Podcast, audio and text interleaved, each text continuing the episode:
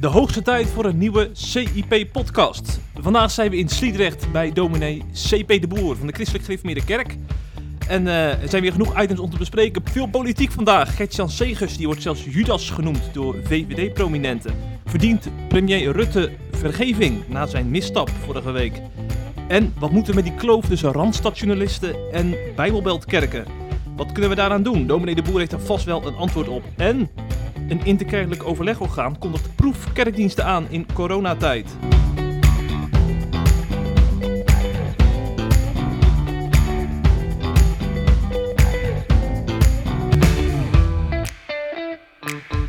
Dominee de Boer, van harte welkom in de CIP-podcast. Welkom in Sliedrecht. Niet de eerste keer hè, dat u in de podcast eh, bent. Nee, dat klopt, ja. We hebben elkaar eerder eh, rondom deze microfoon ontmoet. Dat Ja. was toen eh, rondom de schuldbelijdenis op de Israëlische ambassade in Ja. Den Haag. Ja, dus, Klopt, ja. ja. Toen hadden we het over eh, antisemitisme onder andere. Daar heeft u zich heel erg in verdiept. Nu gaan we het eh, over eh, wat nieuwsonderwerpen hebben die nu actueel zijn. En eh, nou, u heeft volgens mij wel eh, eh, ook op het journaal gezien of in de krant gelezen... dat er nogal wat reuring is in politiek Den Haag hè, de laatste weken. En met name een van de christelijke partijen is er wel een, een centrale rol in. Hè? Dat is de ChristenUnie. Ehm, daar gaan we dus zo meteen dieper op door, onder andere. En dan gaan we het natuurlijk ook hebben over... eh, ja, Urk, dat, dat is wel leuk, want daar heeft u gewoond, hè, op Urk. Klopt, voordat we in Sliedrecht eh, terechtkwamen hebben we een kleine zes jaar op Urk eh, gewoond. En daar heb ik een van de gemeenten, de Maranatenkerk, gediend. Ja. Dus ik denk dat ik een heel klein beetje de Urke gemeenschap van binnenuit ken. Precies, ja. En die Urkers die waren onlangs ook weer in het nieuws. En dat heeft heel wat debat opgeleverd over de Ja. rol van de journalistiek. Zeker, ze zijn regelmatig in het dienst. Maar ja, dat komt denk ik ook omdat Urk voor de doorsnee Nederlander als een symbool Ja. staat voor christelijk Nederland. En Ja. ja, dat is natuurlijk ook de schaduwkant in het hele verhaal. Zeker, ja. Komen we nog zeker op terug. Maar we gaan eerst beginnen met onze wekelijkse rubriek.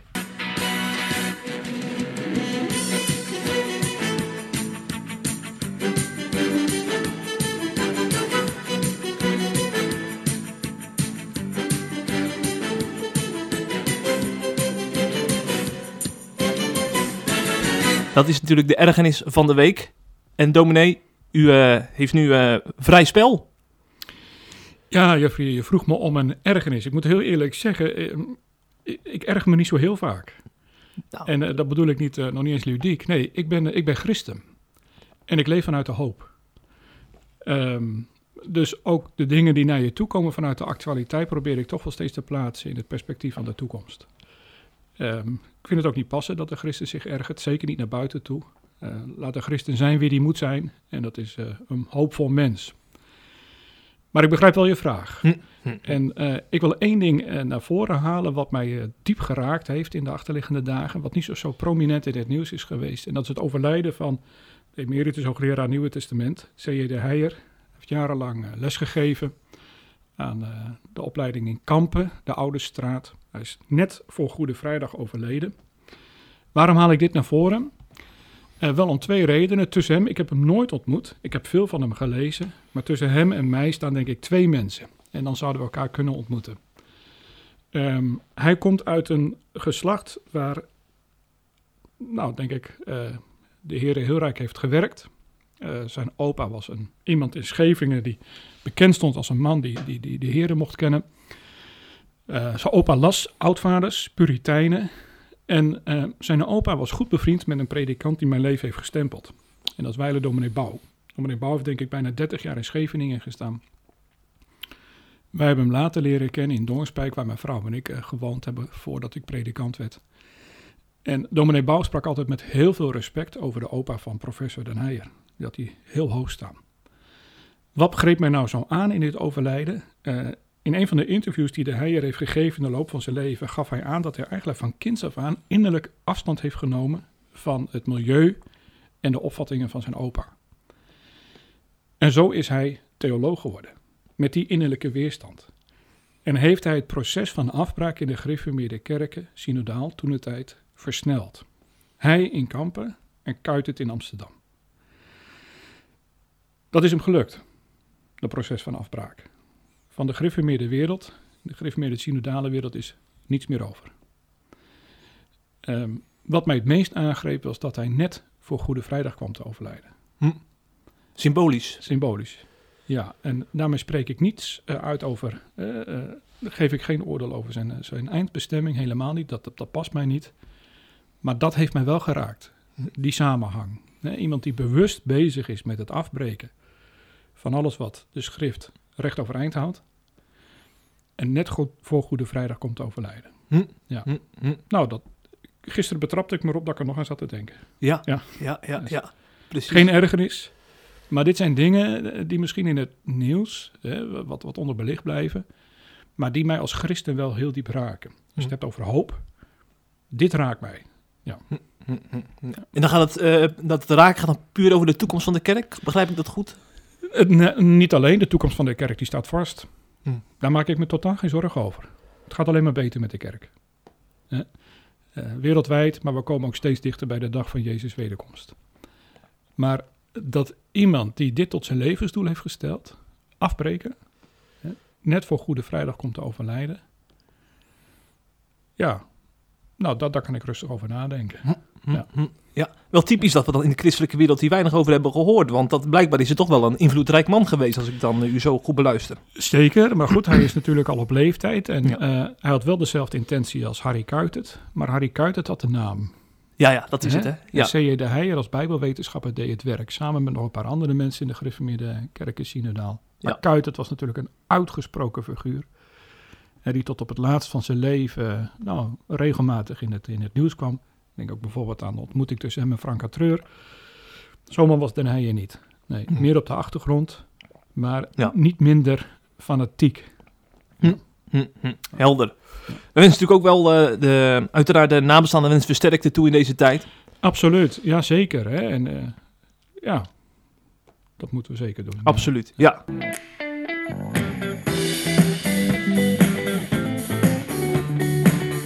Het laatste nieuws uit christelijk Nederland bespreken we in de CIP-podcast.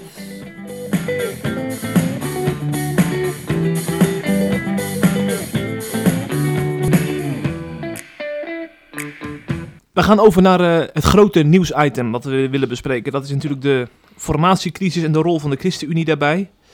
Ehm, ja, voor de mensen die het gemist hebben, dat kan bijna niet. Maar eh, het, eh, Mark Rutte stond op omvallen vorige week. Toen eh, de motie van wantrouwen werd ingediend door de hele oppositie. Alleen de coalitie stemde voor een motie van afkeuring. Een belangrijk verschil. Maar uh, Gert-Jan Zegers van de ChristenUnie kwam daar eigenlijk min of meer op terug in het paasweekend. Ehm, hij staat nog steeds achter eh, het feit dat hij die motie van wantrouwen niet heeft ondertekend. Maar wil dus niet met Rutte door in eventueel volgend kabinet. En hij spreekt over de noodzakelijke tegenmacht die eh, ten tegenover de macht moet komen te staan. Herstel van dualisme. En eh, hij vraagt zich af of Rutte daar de juiste man voor is om die kar te trekken. Hij denkt dus van niet. En vervolgens heeft hij een hele kar met uh, uh, shit over zich heen gekregen van VVD-prominenten. Ik noem een Frits Hoefnagel, die hem zelfs met Judas vergeleek in het paasweekend. En uh, VVD-kamerlid Ton Elias had het over een klein partijtje dat aan machtspolitiek doet. Um, allereerst, dominee, begrijpt u de houding van de ChristenUnie hierin? Dus geen motie van wantrouwen steunen, maar toch Rutte eigenlijk uh, vaarwel zeggen. Ja, uh, Jeffrey, ik ga je niet corrigeren, maar ik begrijp de houding van Gert-Jan Zegers hierin. Hè? Mm -hmm. Want wat we ook zien gebeuren is dat het binnen de ChristenUnie ook verdeelde reacties heeft uh, opgeroepen, hoe hij zich ja. heeft opgesteld. Um, Ze begrepen het niet, de achterban, hè? Nee, misschien komen we daar zo nog ja. op terug. Ik, ik, begrijp zijn houding heel goed en ik heb er ook heel veel respect voor. Wat Gert-Jan Zegers heeft gedaan is twee dingen. Hij heeft allereerst professioneel gehandeld. Uh, hij behoort nog steeds met de ChristenUnie tot, uh, tot de coalitie, als hij ze dan uh, demissionair. Maar ze hebben wel een missionaire opdracht om, zolang er nog geen nieuwe regering is, dit land te leiden door de coronacrisis. Vanuit die professie heeft hij gehandeld. Hè, door die motie van afkeuring te steunen en niet die motie van wantrouwen. Tegelijkertijd, en dat merkte je al in het debat, ik heb het niet helemaal gevolgd, want het liep door tot diep in de nacht. Uh, maar de momenten waarop Gert-Jan Segers vooral in die eerste termijnen gesproken heeft, tegelijkertijd merkte je toen al dat hij steeds meer um, afstand begon te nemen van de mens, Mark Rutte. Oké. Okay. En dat is het punt wat hij die dag daarna, zo heb ik het in ieder geval gelezen en ook gehoord, mm -hmm. wat hij heeft willen maken. Hè? En daar heb ik respect voor. Wat ik merkte in zijn reactie is dat hij zegt van ja, ik maak als, ik bereik ook als mens, Gert-Jan Segers, een grens. En ik voel dat over die grens wordt heen gewalst. Door de VVD, maar ook door de druk vanuit politiek Den Haag. Daar heb ik respect voor. Al, eh, zeker in deze situatie deel ik zijn mening, eh, maar ook in een andere situatie wanneer iemand aangeeft, van, ja, dit gaat over mijn grens heen, ook over mijn geweten heen. Al heb ik dan misschien een andere opvatting, dan leven we nog steeds in een land waar iemand dat gewoon moet kunnen zeggen en ook daarna moet kunnen handelen. Ik vind dat ook zeker binnen een christelijke politiek van fundamenteel belang. Dus dat is het eerste. Gert-Jan Segers heeft twee dingen gedaan en heeft vanuit zijn professie gehandeld. Die motie van afkeuring gesteund en die motie van wantrouwen niet. En daags daarna heel duidelijk neergezet van... ik sta hier ook gewoon als mens van vlees en bloed. Ik voel dat er over mijn geweten wordt heen gewalst. Dit is gewoon een grens die ik markeer. Hij wil met de VVD verder. Dat heeft hij heel nadrukkelijk gezegd. Ja. Maar hij heeft geen vertrouwen meer in de persoon Mark Rutte. Duidelijke boodschap. Ja, Ja. ja. Maar ehm, eh, ja, Rutte heeft dan gelogen hè, eh, over het feit dat er eh, wel of niet over om zich is gesproken. Eerst zei hij eh, nee en nu zegt hij ja. Maar dan denk ik van, waarom is dit dan de druppel? Hij heeft, heeft Ja, tien jaar heb- is hij al aan het liegen. Ik heb eh Gert-Jan Segers niet het woord liegen horen gebruiken. Nee, dat waren de oppositie van de namen die dat deden. Hè, dus Ja. ik denk dat we dat ook niet in de mond moeten leggen. In ieder geval, laat ik het zo zeggen, heeft Mark Rutte op dit moment de schijn tegen. En dat is niet naar aanleiding van een incident. Wat je merkt op de achtergrond, en dat was ook de schaduw over dit debat, is ook gewoon de geloofwaardigheid van Mark Rutte in andere eh, onderwerpen, thema's. De toeslagaffaire, waar natuurlijk de naam van Pieter Omzicht direct aan gekoppeld is. Ja. De schijn dat je op deze manier iemand kalt stelt, hè, Pieter Omzicht maar wegpromoveren. Functie elders. Precies. Hè. Daar geen duidelijk verhaal bij hebt. Ik vond het echt een buitengewoon zwak optreden eh, naar heel Nederland toe. Als je zag hoe Mark Rutte probeerde zich daaruit te redden. Hm. Dat, eh, ik vond het echt ja, triest. Ja, Ik heb er geen ongeloofwaardig. ongeloofwaardig en triest. Ja, ja. Eh, en wat Segers heeft gedaan is, ja, ik maak gewoon nu de balans op. En dat is reëel dat je als politiek op een gegeven moment zegt van we staan op een punt waarvan we aanvoelen hoe nu verder. We kijken ook even achterom. Dit was geen incident. Dit is een opeenstapeling van incidenten. En dan op een gegeven moment zeg je ja, tot hier en niet verder. Ik snap dat. Mhm. Ja. Vervolgens komt er een heel politiek spel op gang. Eh, tenminste, zo, zo duid ik het dan. Want eh, eh, als dan al die VVD-prominenten dan weer Segers aanvallen... dan framen zij hem weer als iemand die eerst zegt... eh, we steunen die motie van wantrouwen niet... en vervolgens dat indirect alsnog, alsnog doet. En dat vinden ze dan een Judaskus vervolgens. Ja, nou ja, toen ik die opmerking las hè, van die wethouder, denk ik, nou, iemand praat nadat hij verstand heeft. Dus ik laat die opmerking Ja, maar liggen bij. Want eigenlijk zegt hij indirect, dan is Rutte de Messias. Dat zegt hij hiermee. Als, nou, als dat heb ik hem niet. Ik weet niet of de VVD zoveel messiaanse verwachting heeft. dus, nee, nee, kijk, de, de VVD gaat natuurlijk als één blok om Mark Rutte staan. Ja, hè, ja. Die, die houden hem op het schild. Zeker. Hè, dus ja, dat is politiek. Eh, het, het is dan wel over de grens dat je iemand persoonlijk gaat framen. Hè, en neer gaat zetten als, als een Judas enzovoort. Als het daarom gaat, denk ik, nou, eh, hou je bij je leest. Geef iemand de ruimte. Dat is gewoon iets van ook wat we in Nederland altijd doen. Geef iemand de ruimte om aan te geven, dit zijn de grenzen van mijn geweten. Hm. Dit is eigenlijk wat, wat nu aan het geding is. Iemand komt op voor gewetensvrijheid. Nou, daar ben je het misschien niet mee eens. Maar respecteer dan wel hoe iemand daarin staat. En ga hem niet meteen neersabelen met allerlei kwalificaties als Judas en leugenaar en weet ik niet allemaal. Tegelijkertijd heb ik bij de VVD tot nu toe geen enkele vorm van zelfreflectie gezien. Nee, dat valt wel op inderdaad. Ja, het is keihard om je heen slaan. Alle kritiek, terechte kritiek, meteen wegduwen.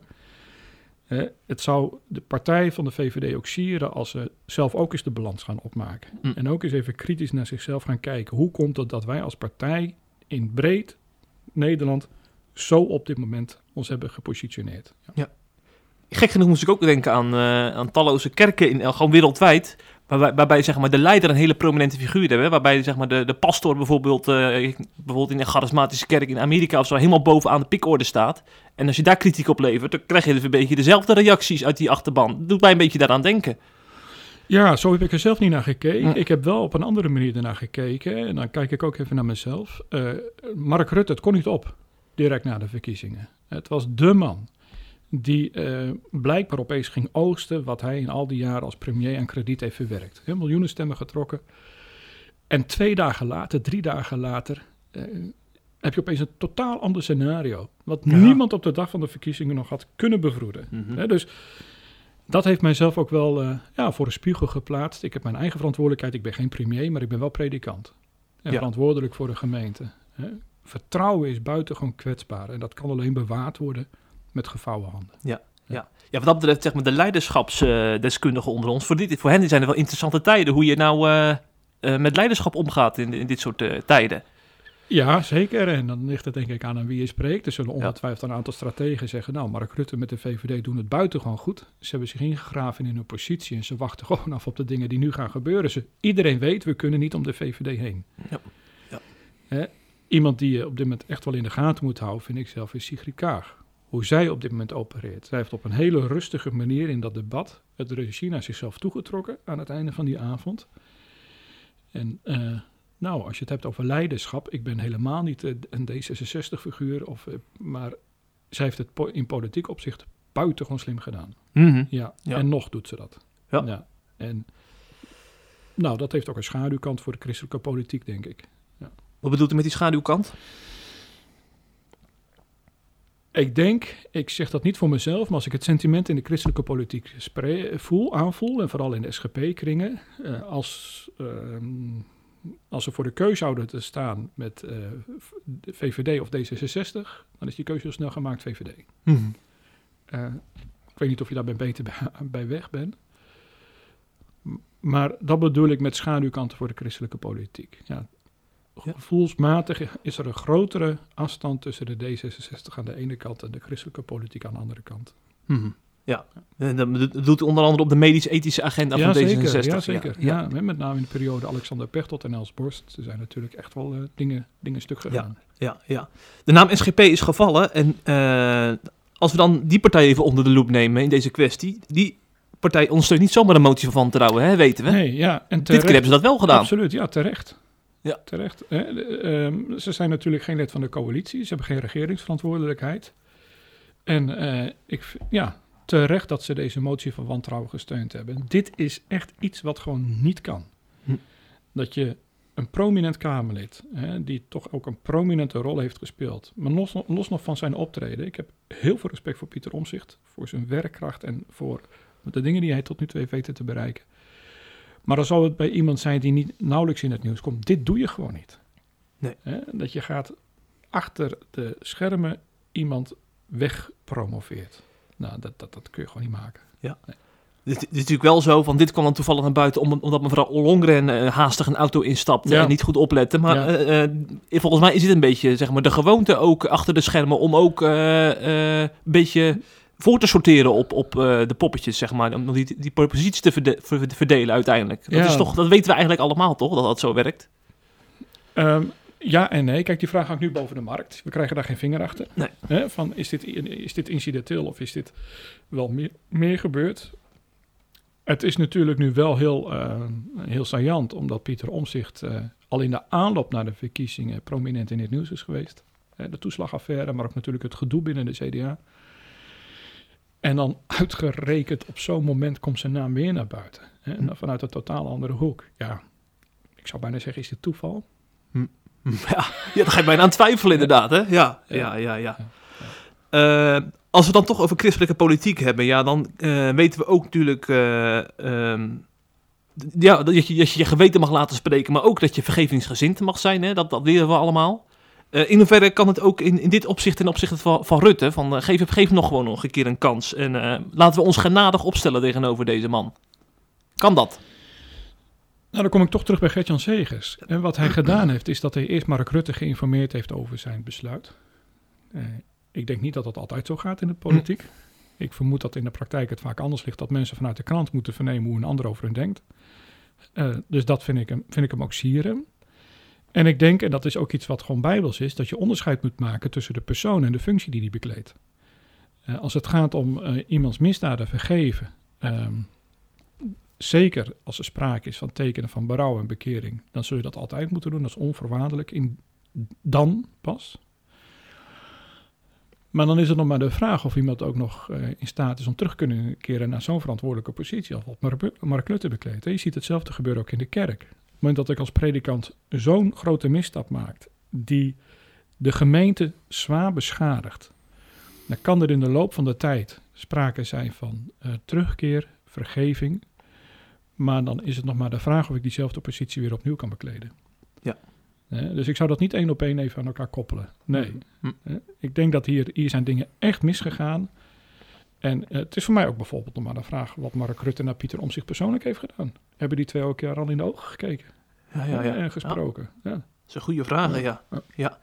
Toch moet ik ook, eh, eh, ik kan er niet eh, niks aan doen, maar ik moet altijd toch ook weer denken aan die toespraak die Mark Rutte hield op hervormingsdag. Toen hij ook uitgebreid sprak over, over zijn persoonlijk geloof en het belang van, van de reformatie bijvoorbeeld. En hij heeft wel vaker wat dingen gezegd hè, over zijn geloofsleven. Ook weer een keer de preek van de leek gedaan bijvoorbeeld. Dan denk ik van, blijkbaar is hij ook bekend met, eh, met die bijbelse boodschap. En, en als je daarmee bekend bent, dan kijk je ook in de spiegel, lijkt mij automatisch. Want dat, dat is uiteindelijk wat het evangelie is. ja, wij stellen elkaar hier die vraag. Ja, ja, Ja. ja. Ik hoop dat Mark Rutte die vraag zelf ook stelt. Ja. En voor de rest wil ik afblijven van hoe wij persoonlijk in het leven zeker. Daar moeten we niet aankomen, vind ik ook. Ja. Ja. Maar ik denk van, dat, dat is wel hoopgevend dat hij in ieder geval ermee bekend is, blijkbaar, met die boodschap.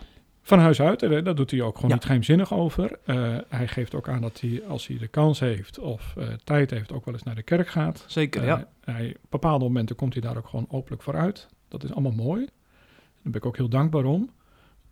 Maar je mag iemand dan ook gewoon beoordelen op zijn woorden en zijn daden. ja zeker en- in die functie natuurlijk. Hè? Zeker, ja. Ja. ja.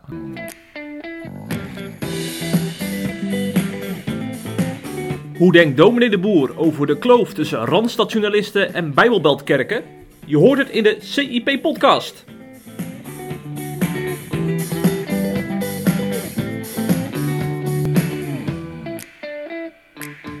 Het is een eh, behoorlijke stap, maar we gaan toch van Den Haag naar Urk. Eh, want dat is eigenlijk een beetje het Den Haag van christelijk Nederland. Hè? Want eh, daar wordt inderdaad met grote ogen naar gekeken wat er allemaal plaatsvindt. Zeker na afgelopen weken.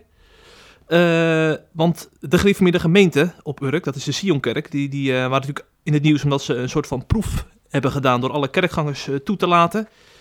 De geestelijke nood is te hoog. En men merkt dat de, de behoefte aan kerkgang enorm is, de, dat, de, dat de rek eruit is.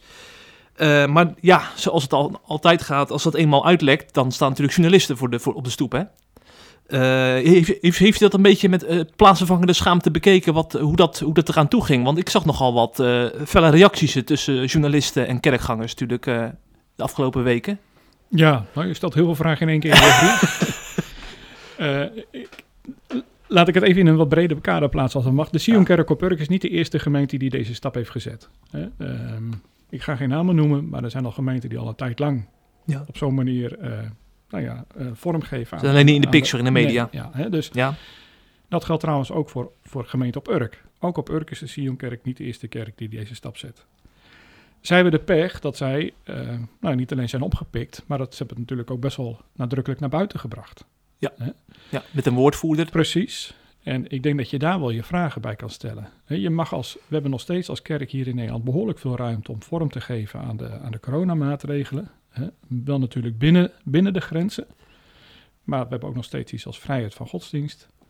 Ehm, we zien ook een overheid die heel terughoudend is als het gaat om, eh, om iets te zeggen over wat er in de kerken gebeurt. Daar moet je denk ik ook rekening mee moeten houden. Mee, mee moet, moet je ook rekening mee houden. Goed, wat er op Urk gebeurt, ik denk dat er een paar dingen zijn, zijn misgegaan zoals ik er nu tegenaan kijk. En het is nu wel van afstand. Eh, ik denk dat ik een klein beetje weet hoe, dingen daar lopen. Ken ook wel verschillende mensen uit de Sionkerk. Kijk, als je een besluit neemt als kerkraad waarvan je weet van dit kan ook wel eens een samenleving raken, dan stel je van tevoren, neem ik aan, ook gewoon een protocol op. En eh, zorg je ervoor dat er een perswoordvoerder is die dat besluit eh, uitlegt. En eh, wat mij betreft, en zo handelen wij hier, hier wel, handel je ook proactief door de pers gewoon uit te nodigen. Ja. Je hebt niks te verbergen in de kerk. We, zijn, we, we doen niks geheimzinnigs. We hebben ook geen geheim. We hebben een boodschap voor de wereld. Nou, handel daar dan ook naar.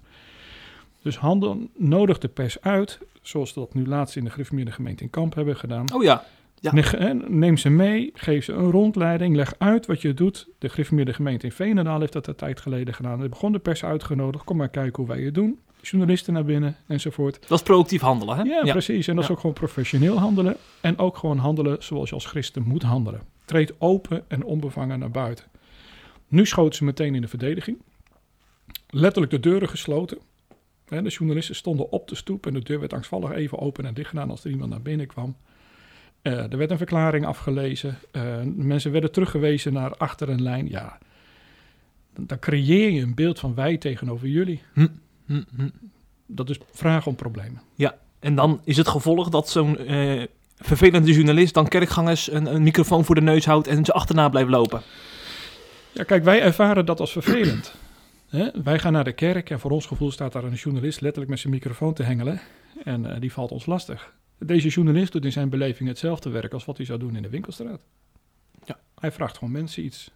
En vraagt om een mening. Ja. Maar vaak het, het, het verschil met, dit, met de, eh, deze kwestie is misschien dat het op zondag is en dat is op die dag is het toch wel eh, Ja, behoorlijk anders op Urk. Precies, dat komt eh nou niet alleen op Urk, op meerdere plaatsen, ook hier in Sliedrecht. Ja. Eh, hè, maar dat komt omdat wij de zondag op, als op een hele andere manier beleven dan de doorsnee Nederlander. Mhm. Hè, Kijk, wat, wat deze kwestie heeft laten zien, is dat we in, eh, in de reformatorische wereld in Nederland veel te veel nog in een bubbel leven. Wij tegenover de rest. En we zijn nu even heel hardhandig met twee benen op de grond geplaatst. Ja. Die, die wereld is er niet. Wij staan met twee benen midden in de Nederlandse samenleving, waarvan het grootste gedeelte van onze Nederlandse bevolking in alle oprechtheid niet weet wie we zijn en wat we doen. In alle oprechtheid. Mhm. Hier liggen naar mijn idee denk ik ook kansen. Wij interpreteren het meteen als de vijandsdenken, wij tegenover hen.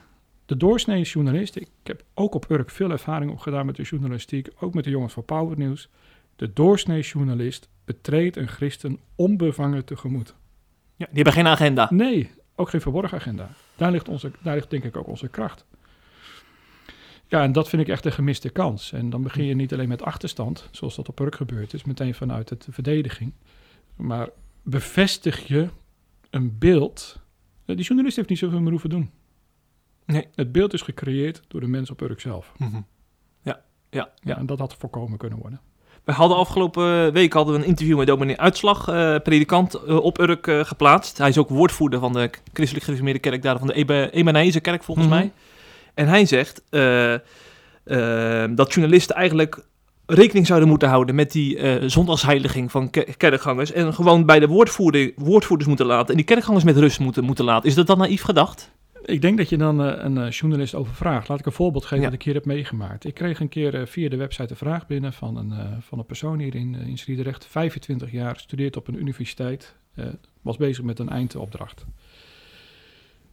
Is hier in Sliedrecht geboren en opgegroeid. Heeft nooit een kerk van binnen gezien. Geen bijbel thuis, niets. Ze kwam bij de kerk omdat ze- onze kerk staat midden in de winkelstraat. Ze liep daar regelmatig langs. Ze dacht van, wat, wat gebeurt er in dat gebouw? Dus koppelde dat aan een eindopdracht, kwam bij mij uit en heeft me geïnterviewd. Is in een gezin terecht geweest in, in onze gemeente om eens rond te kijken en wilde een dienst bezoeken. Goed. Wat ik me niet had gerealiseerd in dat gesprek was dat ze niet alleen de dienst wilde bezoeken, maar meteen de dienst die zondag daarna. Dat was bij ons een avondmaaldienst. Oh ja. Avondmaal. Mhm. Het duurt bij ons ruim twee uur. ik loop op zondagmorgen de kerk binnen met de kerkraad en ik kijk omhoog en ik zie er zitten. En ik denk, oh nee, Wat, wat gebeurt hier? Ja. Dus zij maakt die dienst mee en ze kwam later daarop terug bij me. Mhm. Nou, wat ik van mijn catechisant hoor is een dienst van twee uur. Lieve help zeg, wat, wat, wat, dat, kan dat niet korter enzovoort. Het eerste wat ze zei, wat ging dat snel voorbij? Oh ja? We hadden een heel gesprek en toen vroeg ze op een gegeven moment, en dat is me altijd bijgebleven, u hield op enig moment een beker omhoog. En toen vroeg ik me af, zit in die beker uw God? Dat was een vraag van een universitair geschoold iemand die ze in alle oprechtheid aan mij stelde. En ik denk dat we hiermee gewoon de doorsnee Nederlander het pak hebben. Ook de doorsnee journalist. Dus als wij van een journalist verwachten dat hij ons overvraagt op zondag, dan hebben wij een verkeerd beeld van die journalist. Wij verwachten dat hij handelt zoals wij gewoon zijn om te handelen op zondag. Dat- Ja. Daar zijn we al lang aan voorbij. We leven in een totaal geseculariseerd Hm. land waar geen enkele affiniteit meer is met heilig, eerbied, zondagsheiliging enzovoort. Hm. We zullen vanuit die kant moeten gaan denken. En dan moeten we inderdaad gaan accepteren dat we op zondag journalisten te woord moeten gaan staan. Hm? Ook als kerkganger. Jazeker. Of stel dan als gemeente een perswoordvoerder aan. Hè, dat je als kerkganger kan zeggen van ja, eh, we hebben met elkaar afgesproken. eh, spreek die persoon aan enzovoort. Dat doen wij hier ook. Eh, nu ook structureel elke dienst bij ons de perswoordvoerder in de kerk. Mocht er een journalist op de stoep staan, dan voert hij het woord. Hebben jullie dat al meegemaakt?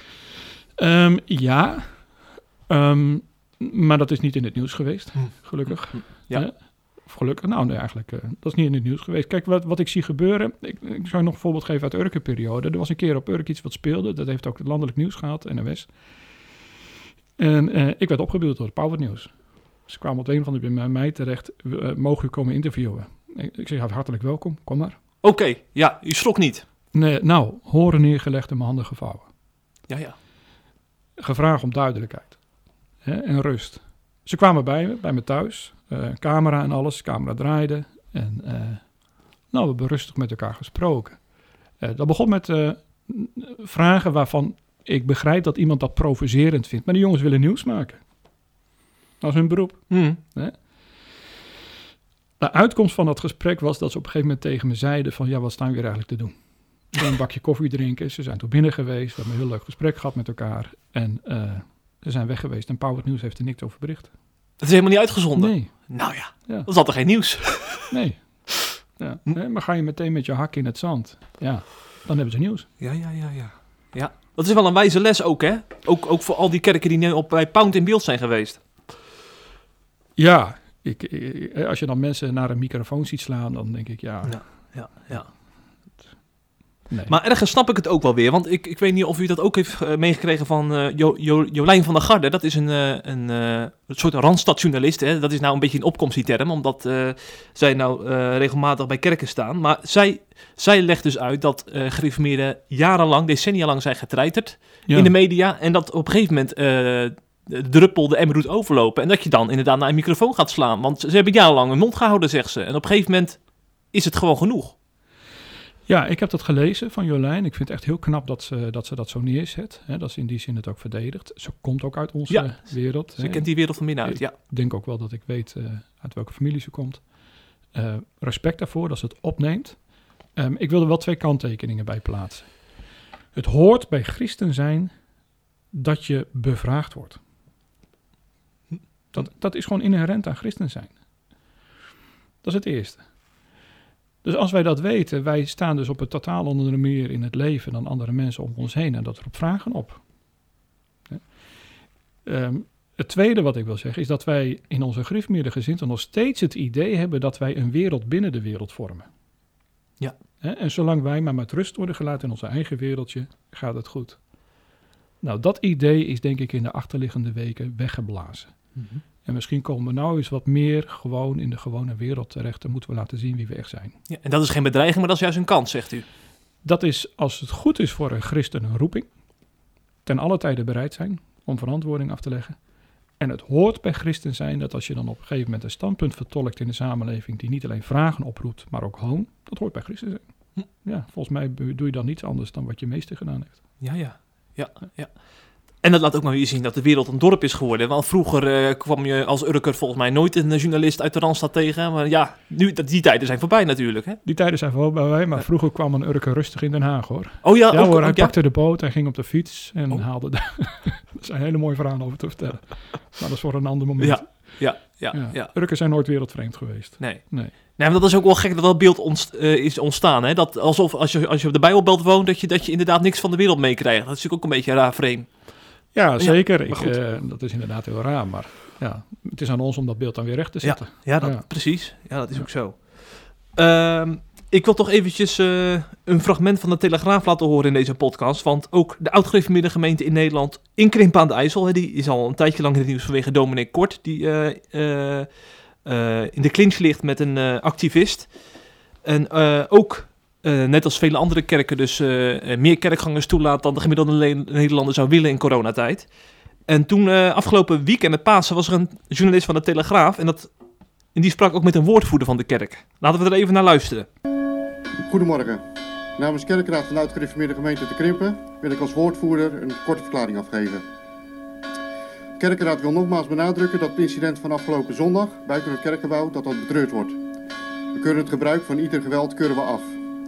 We vragen iedereen zich rustig en respectvol te gedragen, zodat de naam van de Heer niet gelasterd wordt en de dienst van de Heer ook niet bespottelijk wordt gemaakt. Een deel van de gemeente is niet aanwezig en een deel wat wel komt past ruimschoots in het kerkgebouw en er is ruimte in de zalen. Ik ga geen verdere vragen beantwoorden, Wij u, u deze verklaring en het persbericht. En daar wil ik het verder bij laten. Ik uh, verwijs u ook naar de contactgegevens die in het persbericht zijn opgenomen. Ik wens u God zegen deze dag. Toch even, hè? U, u zegt ik ga geen vragen beantwoorden. Nee, wij vragen... W waarom is dat? Omdat de dienst zo begint en wij graag willen verwijzen... Want het duurt een minuutje. Dat begrijp ik. Ik ga nu geen verdere vragen beantwoorden. Wij verwijzen naar het persbericht en wij uh, laten de taal bij. Maar dan is het best wel eenzijdige communicatie met de pers. Nee, in de, verklaring, de persverklaring gaan we daar verder op uh, in. En ja, dat is eenzijdig dan. Als er geen vragen gesteld kunnen worden. Wij laten het hierbij alsjeblieft. Ja, dat is toch wel vrij opvallend. Want uh, we hebben net over het belang van woordvoering gehad hè, van kerken. Dat je proactief moet handelen. Volgens mij is dat deze keer gebeurd vanuit uh, deze kerk in Krimpen. Maar dan lees je dus vanaf een papiertje een verklaring voor. En dan uh, mag de journalist geen vragen stellen. Dat roept bij mij toch een beetje de vraag op. Van neem je die journalist dan wel serieus? Ja, en neem je jezelf serieus. Wat je eigenlijk doet is gewoon een, een boodschap over de schutting droppen. Ja, dat gebeurt hier. En, en zeggen zoek het lekker maar uit. Ja, nou, ik kan me niet voorstellen dat je ook gewoon in het gewone leven als kerkganger van de oud-gereformeerde gemeente zelf zo behandeld zou willen worden. Hm. als je een vraag hebt, bijvoorbeeld op het gemeentehuis of waar dan ook, en je krijgt een papiertje mee naar huis en zonder nadere toelichting, dan denk je ook van nou, wat is dit voor een onbeschoft gebeuren? Hm. Zo moet het gewoon niet. Nee, ga met de mensen in gesprek. En als je het niet kan, of niet durft, dat kan ik me heel goed voorstellen. Als je het niet kan of niet durft, zeg dat dan gewoon. Maar zeker in zo'n grote gemeente zijn er genoeg mensen die, dat, die die vaardigheden wel hebben. We hebben ook in onze gereformeerde gezinten daarvoor um, uh, cursussen. De Reformatorisch Dagblad bijvoorbeeld, RD, geeft daarvoor ook, uh, ook trainingen. Omgaan met, met, de, met de journalistiek. Maak daar gebruik van, maar doe het zo niet. Nee, nee, nee. Maar ja, eigenlijk vraag ik me dan af. Uh, voor, voor, voorheen stond er helemaal geen woordvoerder. Dus je zou zeggen, dit is dan wel een stapje in de goede richting. Uh, maar je zou kunnen zeggen van. doe het dan maar helemaal niet. Want dit is een beetje een soort worst voorhouden van. nu, nu, nu kunnen we jullie eindelijk te woord staan. Maar dan is het eenrichtingsverkeer. Ja, kijk, ik denk vanuit het perspectief van Krimpen aan de IJssel zal de stap in de goede richting zijn geweest. Ja. Hè? Dat zeggen, nou, we komen toch hun een beetje tegemoet. Ja. Uh, ja. Ik weet niet of ze het gedaan hebben. Ik, ik, het is ook niet aan mij om hun advies te geven. Uh, maar stel diezelfde vraag nog gewoon eens aan een journalist. Voor hun dan misschien een journalist van het RD. Hoe zou jij je voelen ja. als je zo behandeld zal worden? Ja. Ga eens aan de andere kant staan en probeer vanuit dat perspectief eens na te denken over de vraag: hoe zitten we ons als kerk neer in de lokale situatie, maar ook voor de landelijke pers. Ja. Ik denk dat dat een heel eind zal gaan helpen. Mm -hmm. Heel veel lezers van ons die nemen het wel uh, op voor uh, kerkgangers en ook voor woordvoerders die, uh, die hier eigenlijk niks mee te maken willen hebben. Ik hoor heel vaak van um, dat het een beetje tijdverdrijf is voor die journalisten, want er zijn al betere dingen te doen in deze tijd dan bij een kerk gaan staan. Ze verwijzen bijvoorbeeld naar Schiphol, naar allerlei andere plekken waar ook veel, veel mensen komen bij supermarkten of zo. zij vinden het een beetje gezocht, zeg maar, om dan kerkdiensten op te zoeken. Snapt u dat, dat argument? Uh, ja, maar ik vind dat, niet dat ik eigenwijs wil zijn, ik vind dat niet eerlijk. Als er op het museumplein op zondag wat misgaat, haalt het ook gewoon prominent het nieuws. We hebben nu de situatie in Nederland dat op het museumplein en op het kerkplein de dingen misgaan. Op dezelfde dag. U zegt echt misgaan ook? Jazeker. Hm. Ja. Wat gaat er mis dan? Nou, in die zin hè, dat je, als je ziet hoe kerkgangers zich opstellen hè, naar journalisten die hun bevragen. Hè, en daardoor een beeld neerzetten van wij tegenover de overheid. Ja, ja. Hè, of wij tegenover de samenleving. Dat zullen deze kerkmensen niet bedoeld hebben, maar het is wel het beeld wat ze creëren. Dat moet je gewoon niet willen. Hm. En dan roep je het over jezelf af. Ja. Mm-hmm. ja. ja. dus ik vind die verwijzing ook van daarna van de, nou ga even ergens anders staan naar de journalist, vind ik ook niet reëel, vind ik ook niet eerlijk. En de tweede is, wij hoeven een journalist niet te gaan vertellen waar die staat. Nee, bepaalt hij zelf. Wij hebben een journalist wel wat te vertellen als die voor onze neus komt te staan. Hm. hm. Ja. Nog even één ding hierover, want ik vond, uh, we hebben dus dominee Uitslag gesproken, ik vond dit wel een punt had. Hij verwees naar de routekaart die onlangs is uitgegeven hm. voor, voor kerken. Daarin uh, is ook een soort bijstift toegevoegd voor uh, grote kerken die meer dan 300 zitplaatsen hebben, zoals uw kerk en ook ja. die Sionkerk bijvoorbeeld. waarbij het dus duidelijk is vermeld dat je dan meer ruimte hebt, dus dat je niet aan die adviesgrens van 30 kerkgangers hoeft te houden, die, mhm. elke keer in het nieuws komt. Hè, alsof iedereen maximaal 30 kerkgangers mag toelaten. Mhm. Eh, dat is dus niet het geval. En hij zegt, als de pers dit verzwijgt, dan zorgt dat voor eenzijdige berichtgeving. Heeft dominee Uitslaan daar een punt? Want dat hoor je niet vaak, zeg maar. Dat er een uitzondering geldt. Um, ik heb het niet helemaal scherp op de, scherp Hm. op de of de pers dit verzwijgt. Hè? Eh, als het gaat om grote kerkgebouwen, in ons kerkgebouw pas 1500 man. Ja. Hè? Nou, wij zijn niet de enige in Nederland die zulke eh, grote mensen kan bergen. Ik denk dat dat punt vrij duidelijk is neergezet in de pers. Wat je nu ziet gebeuren, is eh, dat er in Krimp aan de IJssel een beeld naar buiten wordt neergezet van nou, we trekken gewoon een lange neus naar iedereen.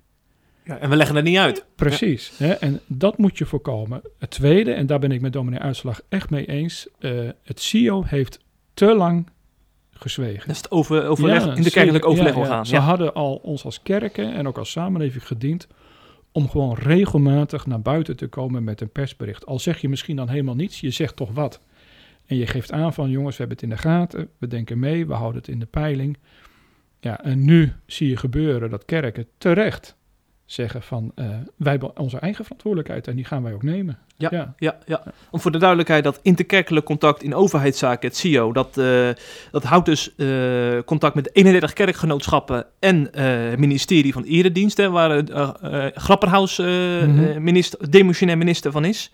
En zij hebben regelmatig met elkaar overleg van hoe gaan we in coronatijd nou met die kerkdiensten om. En ehm, eh, wat mij ook altijd is opgevallen, dan geven zij dus een advies. Eh, maar vooral met name in het begin van de coronatijd, er werd nooit toen nog niet, geen maatwerk toegepast. Dus zij gaven toen een advies hè, van maximaal de- de- 30 kerkgangers en zoveel mogelijk digitaal. Maar dan had bijvoorbeeld een hele grote kerk in Barneveld, waar 3000 man in pas, had daar niks aan. Dus vervolgens is er heel lang gewacht naar maatwerk toepassen. En eh, die, die twee sporen lopen dan een beetje uit elkaar. Hè? Jawel, dat zeggen wij wel met de kennis van nu. Ja. Hè, als ik in mijn herinnering terugga naar een jaar geleden, er waren toen veel meer vragen dan antwoorden. Ja, dat is waar. Hè, en dat gold ook voor de lokale situatie hier. Eh, de- in de eerste golf is er hier in Sliedrecht heel weinig gebeurd. Mhm. De tweede golf heeft hier in Sliedrecht keihard toegeslagen. November, december hebben we ja, het dan over. Ja, precies. Hè? Dus nou, dat verschilt ook weer per regio. Wij leren natuurlijk ook gaandeweg meer van wat, hoe we in deze situatie om kunnen gaan met, met, de, met de maatregelen. En dat was maart vorig jaar niet het geval. We stonden opeens voor een unieke, ongekende situatie van een pandemie. Waarvan we allemaal wisten en ook zagen vanuit de beelden vanuit de hele wereld. Dit is gewoon levensgevaarlijk. Dan begrijp ik dat je meteen teruggaat naar 30. Dat was toen volgens mij in de kerken, met uitzondering misschien van een lokale gemeente, geen punt van discussie. Nee. Daarna hè, hebben we in de loop van de tijd meer geleerd. Ook als het gaat om, om maatwerk leveren. En nou, ik denk ook niet dat het dan aan het CIO is, dat is een landelijk verband, om hier aan Sliedrecht voor te schrijven hoe ze in deze lokale situatie moeten handelen. We hebben hier verschillende kerkelijke gemeenten, ieder heeft zijn eigen situatie en zal daar binnen vorm moeten geven aan, aan, aan de maatregelen die je moet treffen. Nou, dat, ik snap dat het CIO dan even stil is. Ja. Hm. Maar ze zijn te lang stilgebleven. Ja. En ja, dat, dat gaat zich opbreken. Mhm. Ja, zo'n routekaart in maart 2021 is eigenlijk veel Ja, te laat. Precies. Ja. Ja. Laten we nog één kort nieuwtje bespreken. En dat hangt ook weer met het CIO samen, dat interkerkelijk contact in overheidszaken. Want eh, het Nederlands Dagblad en ook het Reformatorisch Dagblad berichten over eh, eh, komende experimenten met kerkdiensten. om meer bezoekers toe te laten. Dus wat eigenlijk al in de praktijk gebeurt, willen ze ook vanuit het CIO eh, zeg maar mogelijk maken. Door te experimenteren met vooraf geteste kerkgangers. Wat eigenlijk ook al gebeurt in theaters en in musea. Eh, willen ze ook op kerken meer gaan toepassen. En ehm, ik vraag me af, eh, ziet u dat eigenlijk voor zich? Hè? Dus dat, dat je dan eh, als kerkganger van tevoren vooraf wordt getest. En dan in, zo'n kerkbank plaatsneemt. Als een soort testcase scenario. ja, nee, ik zie dat niet. Ik ben er ook fel op tegen. Oké. Ja, ik wil het ook rustig uitleggen. Ehm, waar ben ik op tegen? Ik ben niet tegen vaccineren. Ik laat mezelf straks ook vaccineren. Als ik aan de beurt ben, dan ga ik. Nog niet eens voor mezelf, maar eh, dat hangt alles mee, samen met mijn, eh, met mijn beroep. Je, je komt zo vaak in aanraking met hele kwetsbare mensen. Puur ter bescherming van hen laat ik me vaccineren. Dat is één. Twee is dat je hiermee, en daar begonnen we eigenlijk het gesprek ook mee, weer het thema gewetensvrijheid raakt. Als kerken ga je bij de kerkdeur selecteren. Terwijl we weten, ook in onze achterban, maar ook in onze samenleving, dat dit punt heel gevoelig ligt. Ik ga van mijn gemeente niet, leden niet vragen of ze kunnen bewijzen dat zij getest zijn of zich gevaccineerd hebben.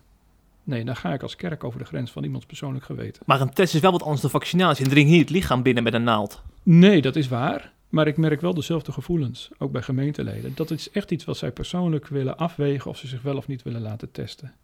En eh, nou, ik spreek echt nu voor mezelf, niet Hm. voor mijn kerkraad. Dan wil ik rustig, dat is binnen onze kerkraad nog niet aan de orde geweest.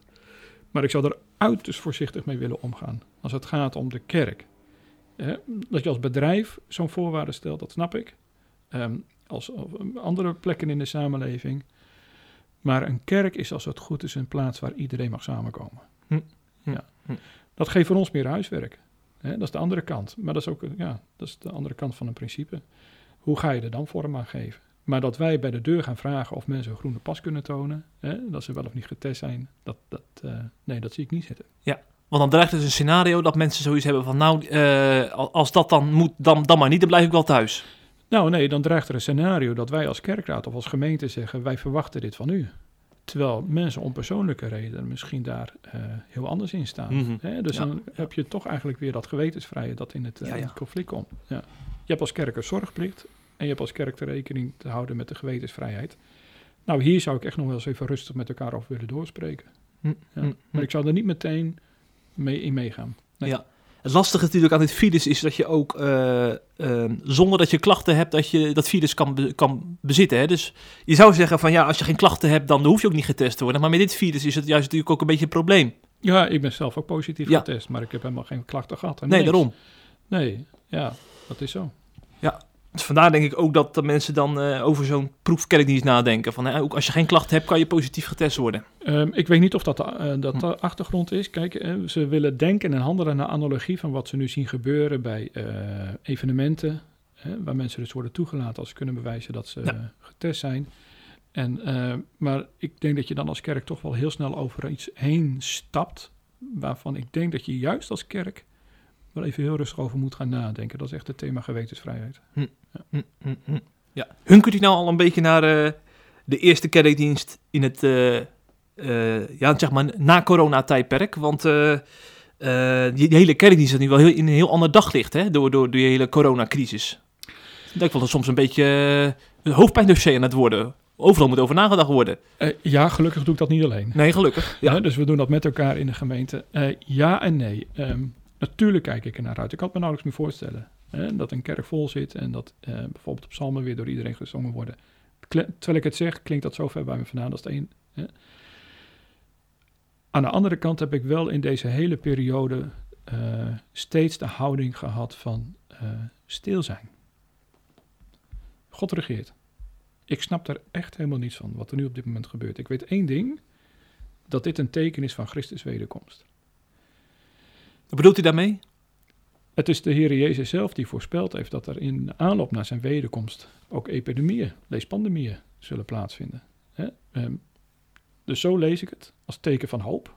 Ondanks dat het ontzettend veel verdriet en, en, en, en pijn en, en gebrokenheid oplevert, deze pandemie, plaats ik het wel in het licht van de hoop. Ja. Maar dat betekent voor mij ook stil zijn. Hè? Ik las ergens in, eh, in eh, achterliggende maanden een uitspraak wat me steeds is bijgebleven. Eh, dat was eh naar aanleiding van een oud-testamentische tekst. Dat iemand zei, de gelovige is stil in de crisis. Ja, dat is een hele andere houding dan Ja. met gebalde vuisten. Ja, zeker. Hè? Omdat zijn hoop op God is. Hm. Ja. En dat maakt me ook voorzichtig als het gaat om hunkeren. Hè? Want dan zit ik zo weer midden in de samenleving. Iedereen hunkert naar het normale leven. Maar was het leven nou nog zo normaal voordat deze pandemie kwam? Het kon niet op. Is dat normaal? Dat is de andere kant weer. Ja. Ja. Ja, eh, waar was in die periode de verwachting van Christus wederkomst? Ja, ik zie, ik zie bij sommigen zelfs het verlangen toenemen, juist door deze crisis. Ja, Ja, het. Terwijl het voor helemaal niet op netvlies stond bij mensen misschien. Nee, nee, Ja. niet in het Westen. Je hoort het wel vanuit de kerken eh, van andere continenten, die dat direct in dit licht plaatsen. Hm. En wij maken die reflex als christenen hier in het Westen dus nog niet. Nee, misschien dat we erg materialistisch zijn geworden. Ja. Ja, ja. Zo. Nou, ik eh, ben in ieder geval blij met uw analyse over de randstadjournalistiek, over de politiek en over eh, kerkdienst in coronatijd. Eh, ik denk dat het heel veel mensen ook aan het denken misschien heeft gezet. En ehm, ik zou tegen de luisteraars willen zeggen, volgende week zijn we weer met een nieuwe podcast. Eh, waarschijnlijk met Patrick Simons, onze vaste redacteur. En eh Dominic, ik wens u nog een hele fijne dag. Bedankt voor de gastvrijheid trouwens. Ja, En ja. voor de lekkere koffie. ja, dank je. En wie weet eh, doen we dat nog eens een keertje over, hè? Met een Sluiten we niet brownie. uit. Eh, Met een brownie, zeker. Goed, jij ook bedankt voor je komst. En een fijne dag, eh, luisteraars.